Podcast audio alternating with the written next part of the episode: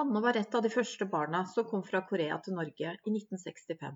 Sine første år hadde hun tilbrakt på det norskdrevne barnehjemmet Annelise i Busan. Anne husker ikke noe fra sine år i Korea, men opplevde å kjenne på ulike sanseopplevelser da hun oppsøker Korea i voksen alder. Det være seg smaker, lyder, lukter osv. I oppveksten var ikke Anne særlig interessert i sin historie. Kanskje er det riktig å si at hun heller ikke er det i voksen alder. Anne fikk aldri med seg informasjon som gjorde at hun kunne begynne å lete etter opphavet men interessen for landet og kulturen har hun tatt med seg siden. Anne belyser også det å finne sin plass ved å være spesiell i gåsetegn på flere områder. Og hvor spesiell skal man til slutt være overfor omgivelsene? Annes yrkeskarriere som terapeut og hennes erfaring som adoptert og kom ut som skeiv, gjorde at Anne i 2014 kom ut med romanen 'Si at vi har hele dagen'. Romanen tar opp mange aspekter ved hennes eget liv, sin norske og ukjente koranske familie. Anne ønsker å belyse de forskjellige rollene, gitt, fått eller valgt, når det kommer til adopsjon. Jeg anbefaler alle som hører episoden om å lese romanen 'Si at vi er hele dagen'. Hei, Anne, og takk for at du ville være med på podkasten Adoptert. Bare hyggelig. Du, jeg så faktisk eh, senest i dag, eh, gjorde litt research og så den filmen av deg når du kom til Norge, da du var bare tre år gammel. Kan ikke du ta oss litt tilbake til hva din adopsjonshistorie er? Jo, jeg, eh, det jeg vet om min adopsjonshistorie, er jo at jeg var en av de absolutt første som kom fra Korea til Norge. Og derfor så var NRK Dagsrevyen til stede og filmet uh, min ankomst. Jeg husker veldig lite, eller jeg husker vel egentlig veldig ingenting. Men det jeg vet, og det jeg er blitt fortalt, er at jeg bodde på barnehjem, og at mine foreldre egentlig skulle adoptere en av de andre jentene, en eldre jente som var seks år. Men som da viser seg at familien hennes, slektningene hennes, ville ikke at hun skulle bli adoptert. Og da var det sånn litt sånn fra de barnehjemmene sånn litt i siste liten Vil dere ikke ha en annen i stedet? Slik at da hadde vel jeg fylt akkurat tre år, og jeg var da um, Det eneste jeg vet fra den tiden, var jo at jeg fikk vite Altså jeg har lest litt om meg selv via de brevene som um, barnehjemsbestyreren Erna Moen skrev til mine foreldre, og det var stort sett at jeg var veldig stille og lett å ha med å gjøre. Sånn at eh, sånn sankthansaften i 1964, omtrent der, så kom jeg sammen med syv-ti andre barn fra Annelise-barnehjemmet i Busan. Og som sagt, Dagsrevyen var til stede og dekket dette som en begivenhet. Jeg har forstått det sånn, Anne, at uh, du har uh, ikke så veldig mye kunnskap om hva som skjedde før de tre årene? Nei. Jeg har jeg, I forbindelse med at jeg skrev denne romanen, si at vi hele dagen så ville Aftenposten føre meg sammen med denne misjonæren Erna Moen, som da er nå snart 90 år, som bor i Halden. Og da fikk jeg spørre Fikk jeg treffe henne, og jeg spurte en del spørsmål. og det hun sa, var at det eneste jeg vet om deg, er at du eh, fikk bursdagsdatoen 3.8, den dagen du ble funnet. Ellers så vet jeg veldig lite om din bakgrunn. Men at du ble funnet på en trapp, og at vi ikke har noe info på deg. Så kom du hit til Norge og vokste opp med norske foreldre her. Hvordan var det på den tiden hvor det kanskje ikke var så mange andre adoptivbarn? Det var veldig spesielt, og det var eh, Mine foreldre fikk jo bl.a. Uh, uh, på den tiden høre at at dere tør. Hun kan sette på huset, brenne, brenne huset, hun kan stjele, hun kan uh, liksom, dere, er, dere, er, veldig Dette er veldig modig gjort, og dette, dere vet ikke hvem dere får. Slik at Den gangen der så var jo det å adoptere et barn veldig skremmende og veldig uvanlig. Og jeg var nok Jeg opplevde nok det som en veldig belastende tid. Fordi at jeg opplevde hele tiden at omgivelsene var veldig nysgjerrige og opptatte av disse spørsmålene. Jeg kunne bli stoppet på gaten, og folk spurte meg men savner du ikke den egentlige mammaen din, og vil du ikke hjem til Korea? Og, og så Det var hele tiden en sånn uro. Eh, en følelse av at, eh, at, at, dette var så uvanlig at jeg hørte ikke til på ordentlig. Og det var jo sånn nære venner av familien min, foreldrene mine også, sa sånn hele tiden ja, hvem er hun? Og uh, liksom litt sånn ja, venninne. Ja. De klarte aldri å ta inn dette at ja, men dette er vår datter, sa foreldrene mine da. Men ja da, men hvem er hun egentlig? Ikke sant? Altså, dette var jo jeg, jeg, tenker at det har vært det, det, som har preget min barndom mest, er jo dette annerledeshet og utenforskap og, og, en idé om at dette er feil, da, på en eller annen måte. Hadde dere som familie kontakt med andre adopterte i barndommen din? Nei, vi hadde nesten ikke det. fordi at på den tiden jeg kom, så var det viktig for mine foreldre å skynde seg og gjøre meg norsk og late som ingenting, for å si det sånn. På den måten at det var viktig for dem at uh, jeg var norsk, og jeg, vi trengte ikke å dra i Koreaforening eller Vi snakket veldig lite om Korea. Og de var opptatt av å gjøre meg så norsk som mulig med en gang. Men hva med deg, Danne? Var du opptatt av Korea under oppveksten? Husker du det? Jeg var vel opptatt av det på mitt vis. Altså, jeg var opptatt av det på den måten at jeg Eh, hadde mitt eget lille drømmeliv. Altså Det betyr at jeg på kvelden, hvis jeg var lei meg eh, når jeg la meg, så var det ofte sånn at jeg så for meg ja, men jeg har en mamma og en bestemor i Korea, og jeg skal komme dit, og jeg skal pynte meg, og de skal lage fest for meg. Altså jeg hadde jo nok altså Veldig mange av mine sånn dagdrømmer gikk jo i retning av at det der er min verden.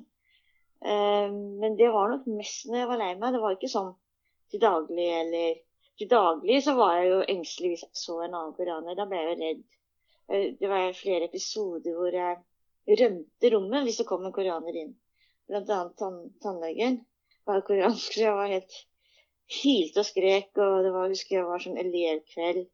Spilte piano, ikke sant. Det var en annen koreansk jente, og da gjemte jeg meg i garderoben. Så det å møte andre koreanske var skremmende. Men mitt eget litt sånn indre liv var jo fullt av drømmer om Korea. Det var nok sånne romantiske drømmer om at de var rike og snille, de som var i Korea, da. Du var jo tre år når du kom hit. Eh, husker du noe som helst fra tiden på barnehjem og sånn? Nei, jeg husker ingenting. Altså eh, Det er jo et savn. Det er et veldig stort savn å ikke huske noen ting. Eh, men det som skjedde, var jo at når jeg, reiste tilbake til Korea første gang, så reiste jeg jo til den tomten hvor barnehjemmet Det er borte nå, men den tomten hvor barnehjemmet var. Og så eh, visste ikke jeg at det var på akkurat den tomten, men jeg satt på en sånn skråning og så utover havet og furutrær, og det var en nydelig blekgrå, grønn farvedis over sjøen. Og så lå det sånne øyer som sånne napoleonshatter uti der. Og så kjente jeg plutselig at eh, her har jeg vært. Og da var det en sånn kroppslig, sensorisk hukommelse. fordi da, da, var det sånn begynte å prikke i hele kroppen, akkurat som når du har et ord på tunga som ikke du får ut. Og så var det sånn dette, Her har jeg vært før. Og det, var, det er det nærmeste jeg har kommet en hukommelse, da. Når du dro tilbake første gangen, Anne, eh, hva var det mm. hensikten med reisen din var da? Eh, det var Da var da, da var, da nærmet jeg meg 40.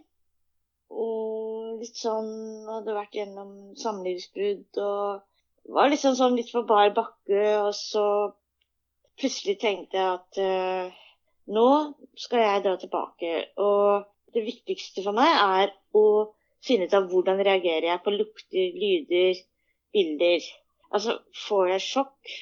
Uh, liksom blir jeg helt ute av meg? Blir jeg likegyldig? Eller er, er, det sterke minner som kommer? ikke sant? Og det, det var veldig sterkt, altså, fordi at uh, da var det et ønske fra min side om å bare eksponere meg for inntrykk. Fordi jeg hadde allerede vært i Japan. og og reist eh, og faktisk flere andre land i Asia, men aldri tort å reise til Korea.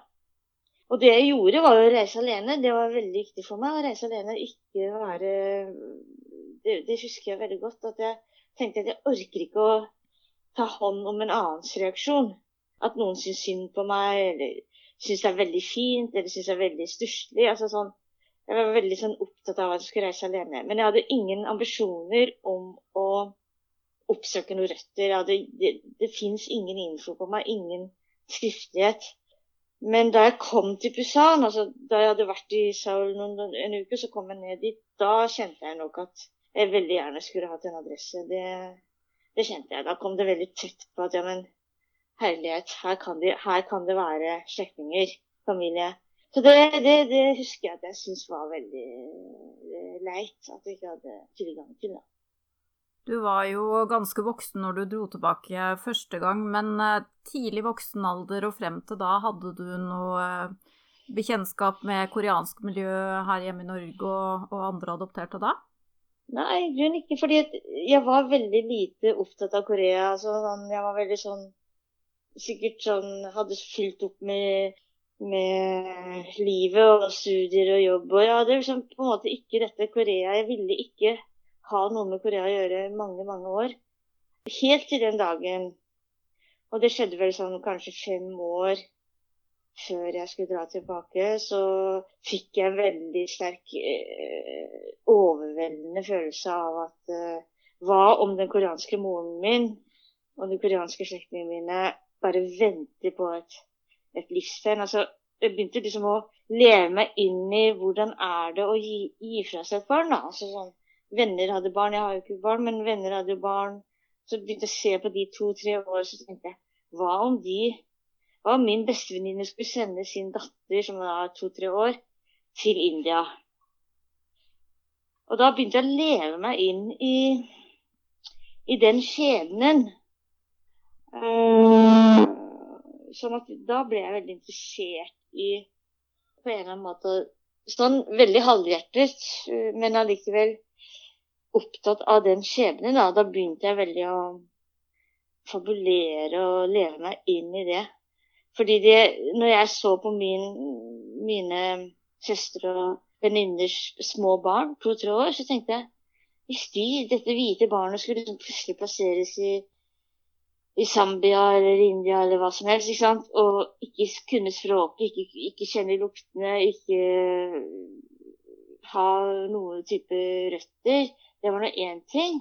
De, barn er jo tilpasningsdyktige, det vil gå ganske greit. Men hva med mødrene som har gitt fra seg? Så da ble jeg veldig opptatt av adopsjon fra et annet, fra et annet perspektiv enn mitt eget. da. Ble den turen en litt sånn eh, research-tur? Ja, det ble det. fordi at uh, jeg visste jo ikke da at jeg kom til noen gang å skulle skrive en bok eller en roman. eller visste ikke at jeg noen gang skulle snakke om den turen. Men i og med at det var denne første turen, så skrev jeg mye dagbok, tok mange bilder. Og, og var, i og med at jeg var alene stort sett hele tiden, så var jo inntrykkene veldig, veldig veldig sterke. Og følelsene Og jeg husker jeg gråt mye og gikk liksom mye for meg selv og opplevde alt eh, veldig sterkt. Og de tingene som jeg opplevde første gangen, de lagret seg jo, som gjorde at det var mulig å skrive den boken. Komme tilbake til den boken, Anne, fordi du ga jo ut denne boken i 2014. Og der tar du jo utgangspunkt i en hovedrolle som heter Rebekka. Men inspirasjonen din var, var en helt annen figur, egentlig. Mm. Det var nemlig Isuk. Og Isuk er jo da en, den koreanske kvinnen. Fordi at jeg opplevde jo Første gang da jeg dro til Korea, så uh, bodde jeg jo på Homestay, akkurat som um, Rebekka i, i, boken gjorde. Altså Homestay er jo da den tidens Airbnb, kan du si. Altså det at man bor leier rom hjemme hos noen og, og tar del i, i, familielivet der. Og jeg husker da at jeg um, hadde skaffet meg et sånt husvære via nettet. da, som var, Det var ganske nytt internett på den tiden. Og så, og så hentet de meg på flyplassen. Og så, så ser jeg på denne kvinnen, også, uh, som er moren, da. Så var det to tenåringsdøtre som var litt yngre enn meg. Så var det denne moren som ikke kunne ett ord engelsk. Men da fikk jeg en eller annen sånn underlig følelse. For da spurte jeg hvor har du vokst opp, og så sa hun at hun var fra Busan. Da er jeg født. Og det er nå så, for det er jo de tilfeldighetene som livet er. Men, men jeg fikk en sånn underlig følelse av at hun uh, hadde en eller annen hemmelighet. Og, for hun var liksom så veldig opptatt av meg uten å kunne si noen ting til meg. Og hun uh, hadde tårer i øynene. Og det var liksom så levde seg så inn da, i, i meg og mitt liv. Og, og jeg fikk en veldig sånn følelse av at du har en eller annen historie. Og så hun ble liksom på en måte min en slags modell da, for Isuk. Og det, det var veldig sterkt å oppleve at uh, Den følelsen av at jeg opplevde at hun hadde lyst til å si meg noe. Jeg husker vi var alene noen ganger. Og den opplevelsen at hun gransket meg og fulgte med og ville så gjerne si noe, hadde ikke noe språk. Og, og jeg kan ta helt feil, men jeg kan også ha noe rett i det. Men iallfall så ble jeg veldig opptatt av hennes skjebne. For hun virket så veldig, veldig, veldig trist. Men fra hennes eh, skjebne og de tankene som begynte å springe ut av henne, hvordan eh, tok vendingen til at du skulle skrive en bok om dette? Ja, det var jo litt Eh, det var ganske mange sånne tilfeldigheter, egentlig. Men det var jo det at etter at jeg hadde vært i Korea, så begynte da sånn rundt 40 og sant, mellom 40 og 50, det tiåret der, så begynte jeg å bli mye mer åpen om det å være adoptert. For før hadde jeg ikke villet si et ord. Når noen spurte meg eller hva som helst, så var jeg bare sånn Nei, men jeg er norsk ferdig. Jeg tenker ikke på det med de i Korea, jeg tenker ikke på det å være adoptert. Altså, jeg er norsk ferdig la meg få lov til å være norsk. Det var veldig sånn sint og lei av alle som drev og maste om uh, opphav.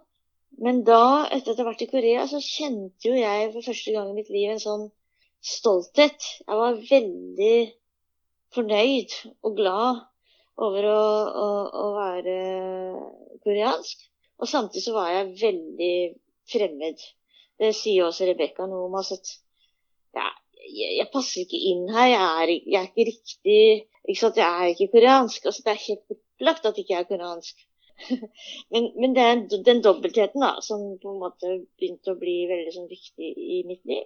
Og så var jeg en gang på et sånt skrivekurs, og så var det den skrivelæreren da, som, som uh, Og da skulle vi gi karakter, eller skulle gi stemme til en karakter, og da skrev jo jeg frem Isuk. Og hun kom som bare liksom sånn eh, nesten automatisk hadde jeg følelsen av. Det kom rennende ut av meg.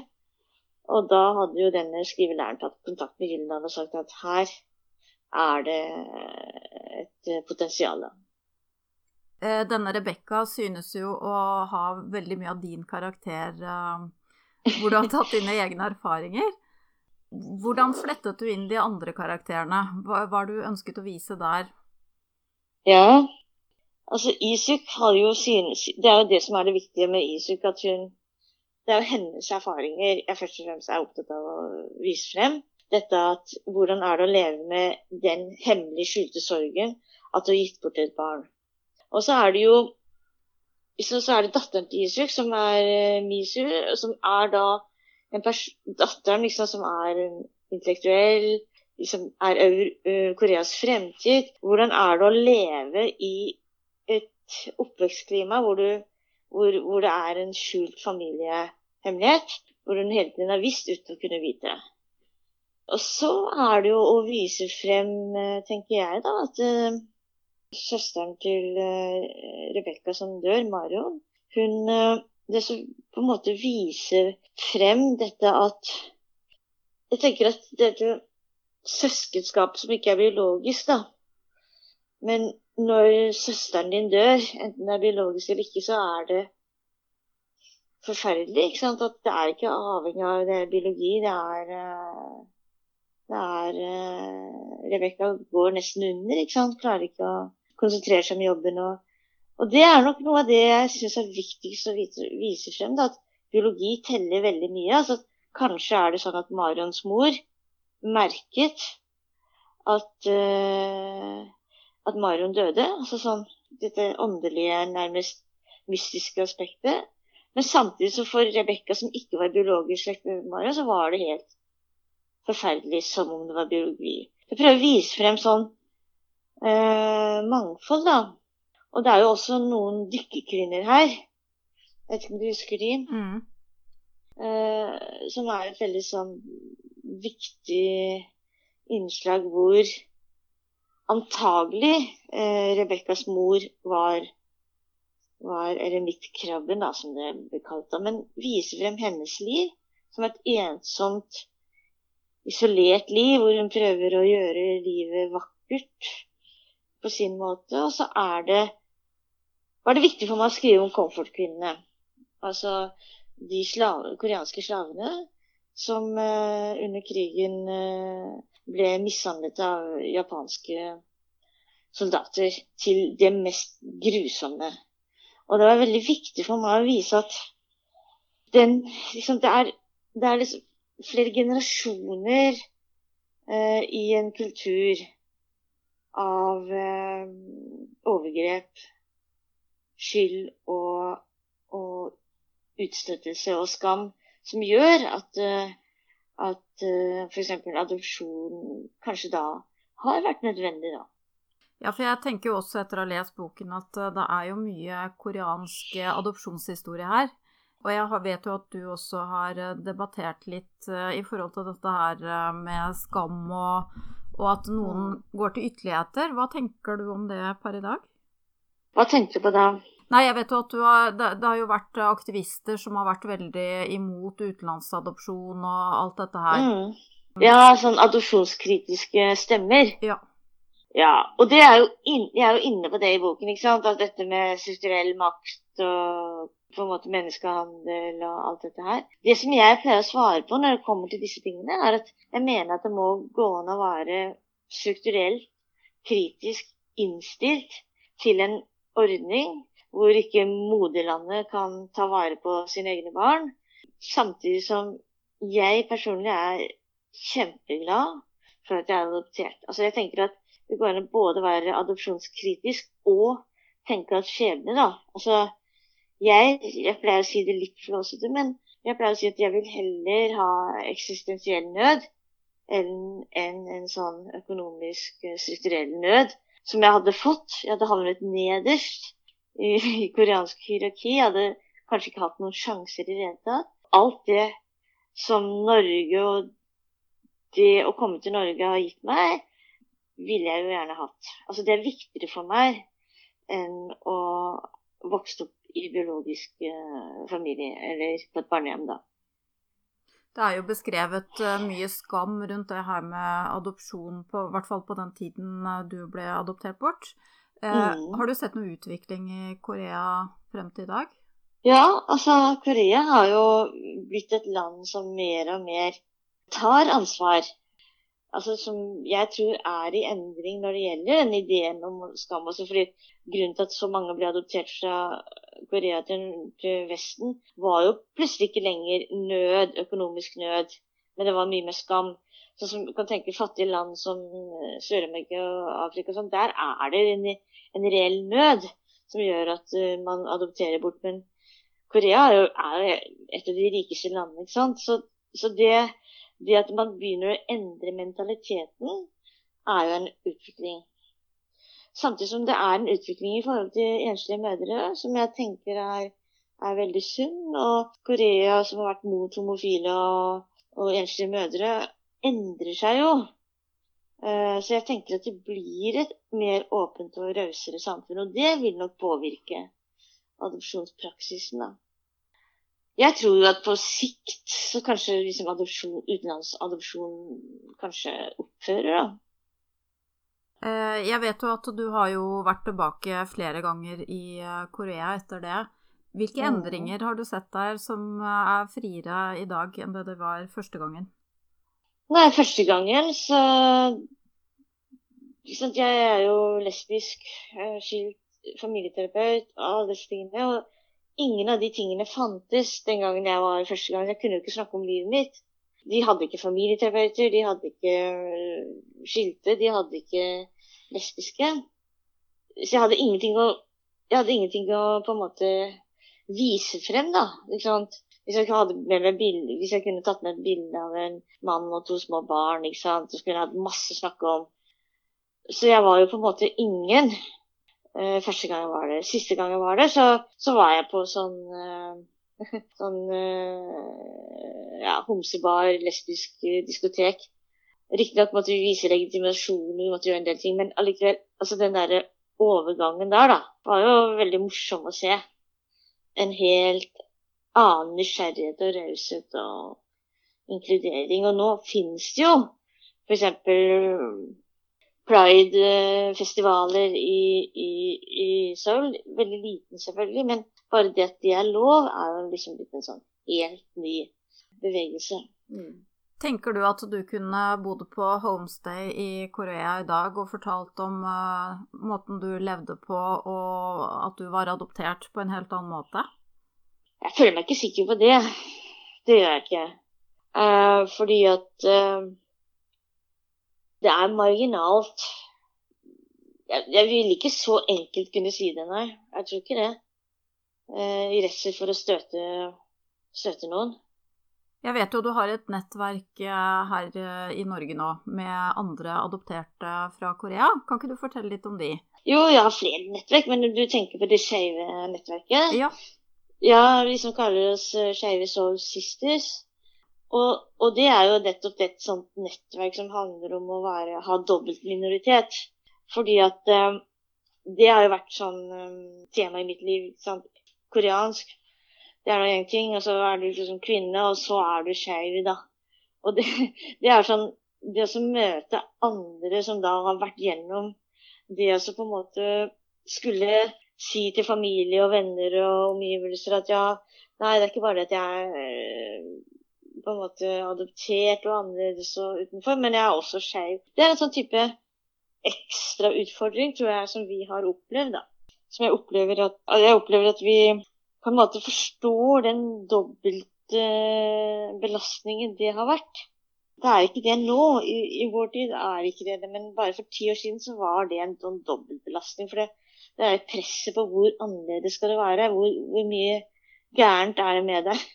ikke sant? Den, den, det er jo det som er det uttrykket som hvor spesielt skal det være. ikke sant? Og det fordi at jeg har nok ved å være en av de første adopterte hele tiden ønsket at jeg skulle være helt vanlig normal. Altså ingen skulle kommentere ut, utseendet mitt eller måten jeg levde på. Eller. Jeg har hatt et veldig sånn Det er jo sånt sterkt ønske om å leve normalt. Ikke hele tiden få spørsmål hvor kommer du fra, hva er historien din.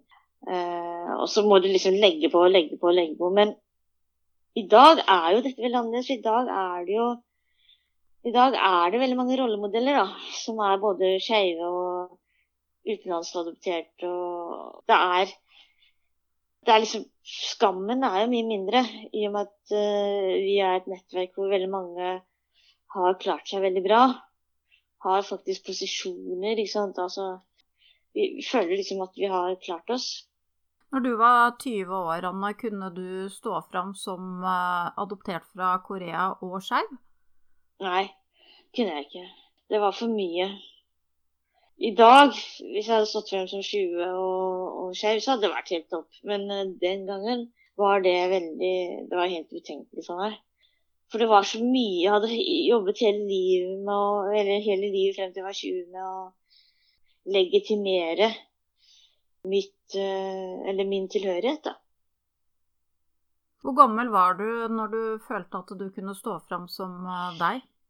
Eh, da var jeg Ja, det var, jo, det var jo i forbindelse med at jeg reiste til Korea. Sånn mellom rundt sånn 35 eh, Og så reiste jeg rundt sånn litt før 40. Så mellom 35 og 40. Da, eh, selv om jeg ikke kunne stå frem som skeiv i Korea, det, jo, det, skjønte jeg at ikke jeg kunne. Men, men, eh, men da var det litt sånn Nå, nå, nå har jeg ikke mer å skjule. Nå, nå, jeg, nå, står jeg frem med alt som er. Men det har tatt lang tid, selv etter det, å liksom, ikke kjenne på skam og ha lyst til å gjemme seg og ikke si noe. Altså det, det der å være annerledes som barn, det ligger så dypt som noe skamfullt. Og det er jo det min søster kan fortelle så mye om. For hun Jeg visste ikke at hun hadde opplevd skam med å ha en søster som var. Altså, det har jeg aldri slått meg engang før hun fortalte den fortellingen på den fortellerfestivalen. Altså, det, det, er klart at søsken også opplevde jo da selvfølgelig hvite, hvite søsken, biologiske hvite søsken, opplevde skam og måtte takle de at de ble indirekte mobbet og, og stilt til ansvar for det. da. På den tiden, 70-tallet, Norge bygde bygda oppveksten ikke sant, var jo veldig annerledes enn det er i dag. Hva med dine foreldre, Anne? Har du i voksen alder uh, tatt opp det her temaet med adopsjon og være litt annerledes, og hvordan det var? Ja, det er et godt spørsmål, for det har jeg jo først og fremst gjort i romanen. Altså når jeg, når jeg fikk beskjed av Gyldendal at ja, nå er boken din antatt, så skulle jeg akkurat til å legge det på Facebook gitt i Eh, så plutselig kom jeg på at nei, men det er vel kanskje noen jeg må ringe først. Og da ringte jeg jo foreldrene mine, og da, da husker jeg at moren min ble veldig stille, altså. Og jeg hørte at hun ble engstelig. Eh, for hun tenkte jo noe, hva kommer nå? Og så etter den boken så måtte vi jo snakke masse sammen. Eh, eller sånn, hun fikk manus på forhånd og fikk lov til å lese gjennom. Og, og jeg fikk snakke mye om det, og de de fikk sagt mye om sin opplevelse av det, og jeg fikk sagt mye om min opplevelse av det. Og så har vi boken, da. Det, men ikke før det. Det var, det var ikke sånn tema mellom oss, det, altså. Før da. Og så tenker jeg på en annen ting, Anne. For du har jo søsken som da er biologisk født av eh, mor og far. Hvordan, eh, hvordan er det forholdet mellom dere i forhold til hva du tenker? Ja, jeg tenker jo at det er eh, Jeg tenker jo at det er liksom Jeg er vel kanskje Jeg vet ikke hva de andre ville sagt, men jeg er kanskje den som har best kontakt med nesten alle søsknene mine. Så det båndet er jo sånn veldig dypt og ektefølt, opplever jeg.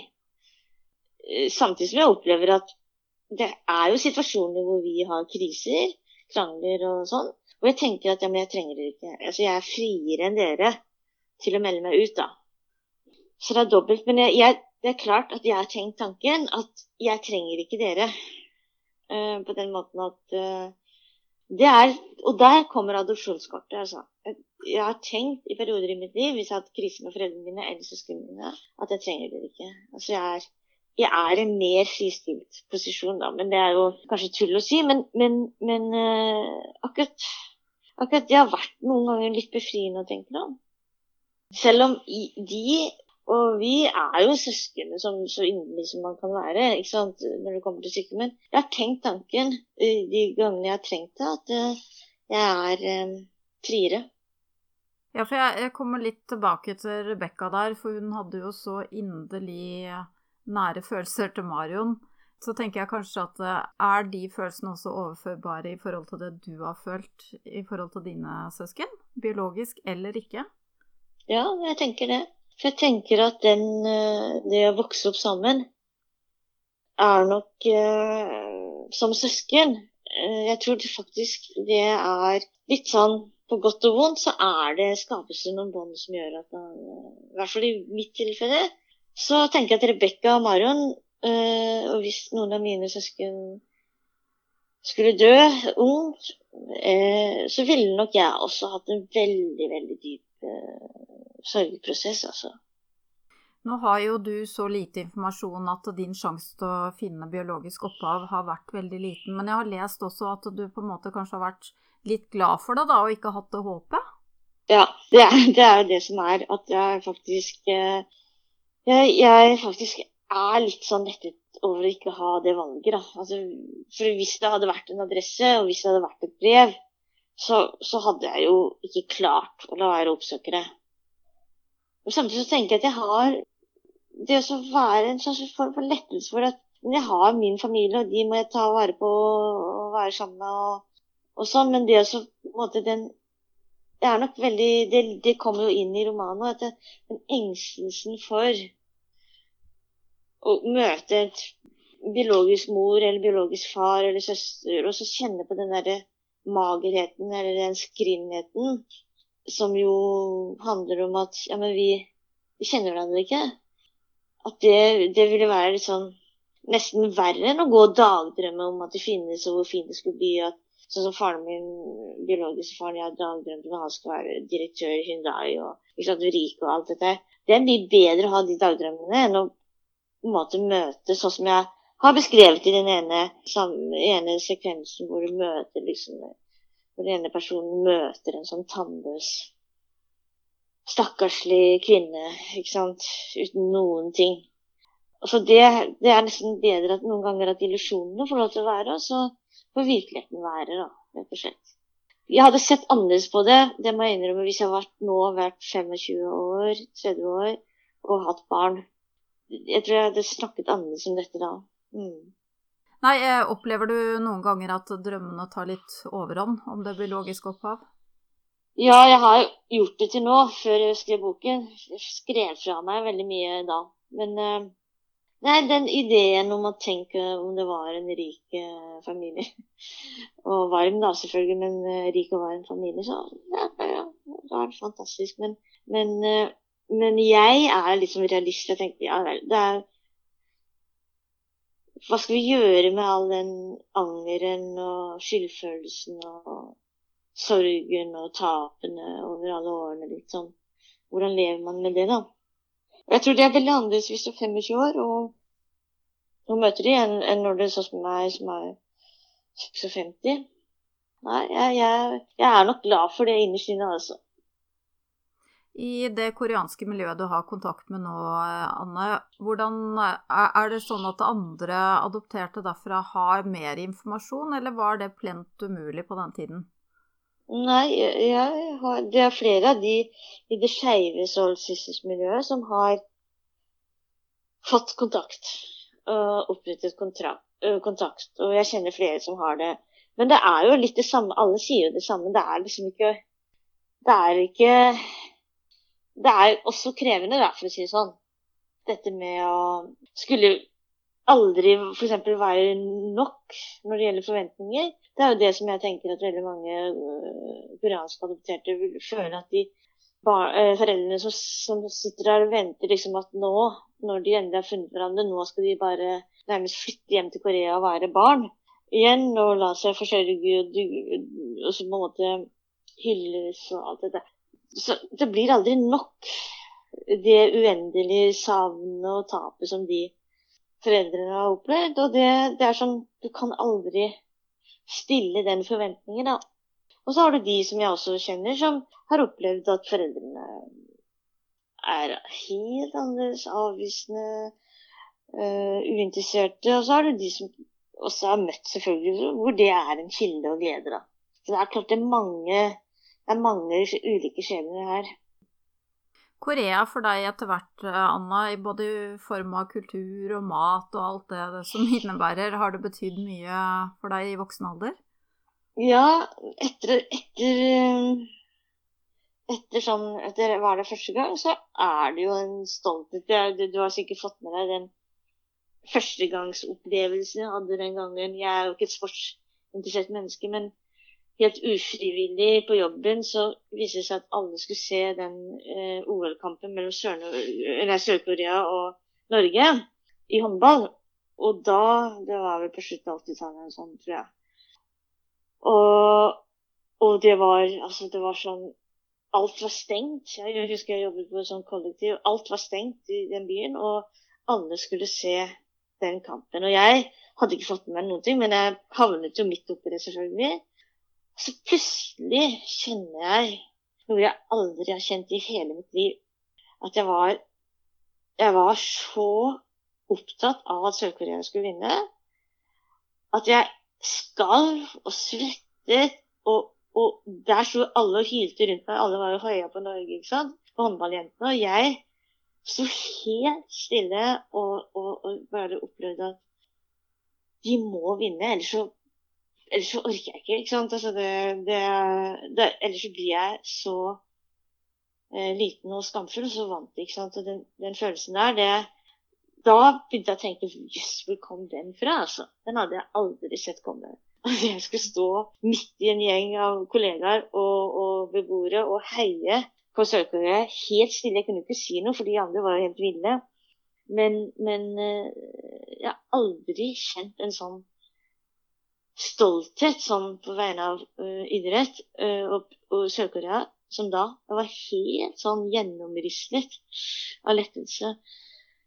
Så da skjønte jeg at ja, ja, det er en del av meg som uh, er koreansk. Det kommer ikke unna. Og elsker å lage Invitere folk på koreansk mat. Og er veldig stolt av Korea, altså. Det er jeg.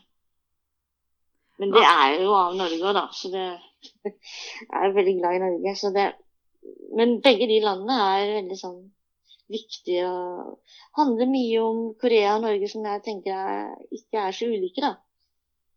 Det er noe med et lite land, det er noe med årstider, det er noe med fjell, det er noe med sjø, det er noe med variasjoner.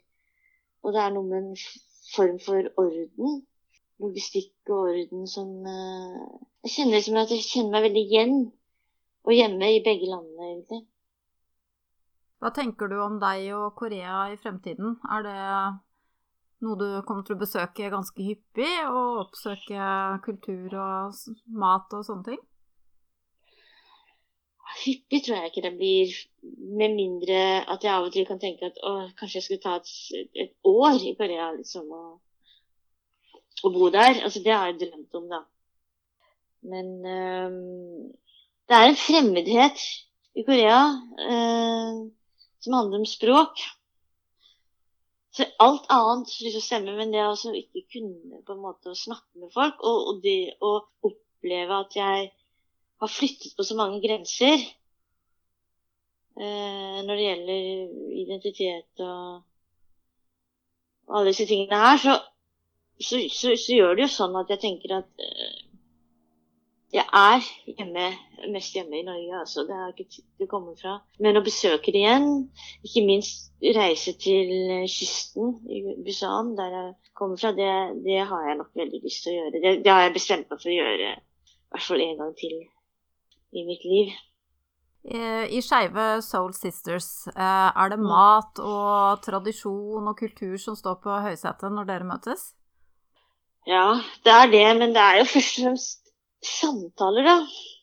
Det er sånn øh, Vi blir liksom ikke lei av å snakke om Altså, det, det, det å være Det å bli gjenkjent på sånn Det som kalles dobbeltidentitet, da det gir jo en veldig sånn tilhørighet og samhørighet. Men, men, det er klart at det med Det, det å så måtte igjen og igjen fortelle hvordan det oppleves, da, hvordan det var, og hvordan det var første gang å forelske seg med samme kjønn og alle disse tingene. Så det er veldig mye det det går i. Men fordi at uh, vi har spist koreansk mat, men de fleste i gruppen liker best uh, norsk mat, så når vi har julebord, så er det veldig ofte, dessverre for meg, da, pinnekjøtt og den slags. Men, men, men, det er jo også en sånn viktig ting med oss. Vi er jo veldig norske, ikke sant. Så hvis, hvis, alle i den gruppen heller vil ha pinnekjøtt og ribbe og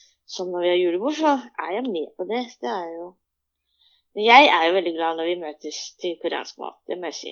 Og vi møtes Vi har jo liksom funnet flere restauranter i Oslo hvor det går an å få koreansk mat, og vi lager det selv.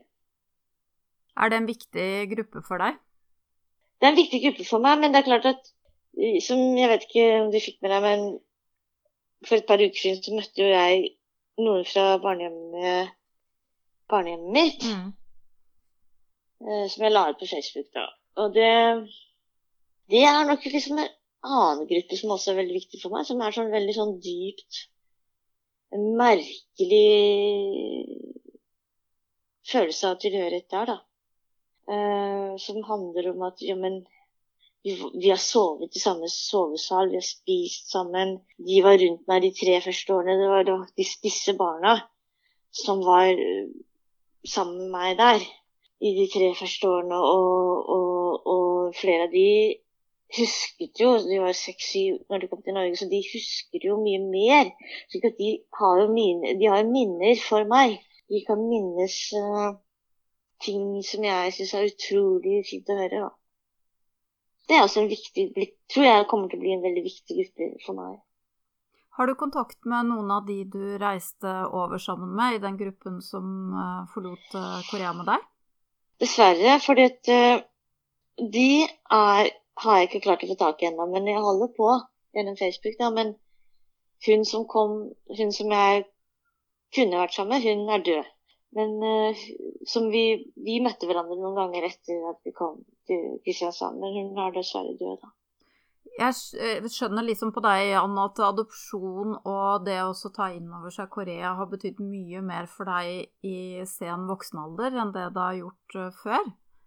Ja, det har det faktisk. Det er helt uh, riktig. Det er liksom som en som ny dimensjon som har kommet til livet mitt i voksen alder. Mens jeg har jo som terapeut møtt uh, ungdommer som er 16-17 år, som ikke kan vente til de blir 18 med å kontakte sine biologiske foreldre. Sånn en helt annen motivasjon, intensjon, drive. Eh, en av de sa jeg bare lever for 18-årsdagen min. Da skal jeg ta tak i min biologiske mor. Så nå er det en helt annen tendens ikke sant, med Facebook og masse grupper og uh, muligheter for å søke på biologi og på Ja, ikke sant? Så det er jo en helt merkelig For jeg har møtt ungdommer nå som er helt sånn besatt. De tenker liksom mye mer sånn Nå skal livet ordne seg. Når jeg møter biologiske connections, da. Men med din eh, personlige og yrkesmessige erfaring per i dag, Anne, hva ville du rådet en 18-åring til da, når han kom til deg og spurte hva gjør jeg?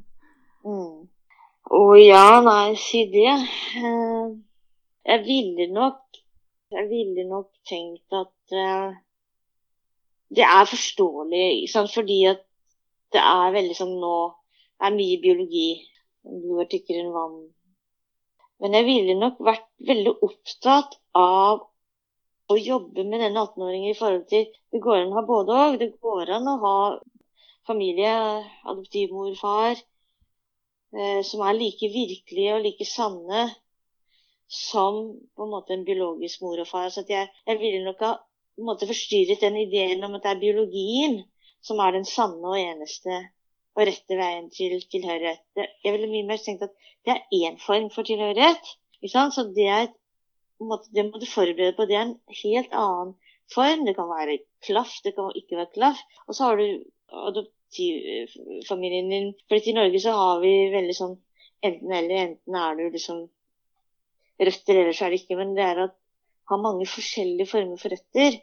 Og snakke veldig mye om de ulike formene for røtter uten å si at den ene er riktigere eller sannere eller finere enn den andre. For det, det tror jeg vil være veldig, veldig, viktig for meg å snakke om. Det er mange måter å høre til på, da. Det er lov å si noen ganger eh, som Ole Brumm at ja takk, begge deler? Absolutt, og det tror jeg det er det vi må gjøre når det gjelder adopsjon. Altså Vi må snakke om flere muligheter og virkeligheter og forskjelligheter. Og at de ulike måtene å være i familie på er forskjellige. Det er det jeg tenker at jeg ville sagt til en 18-åring og snakket litt om det. Tusen hjertelig takk, Anne, for at du delte din historie og dine tanker. Bare hyggelig.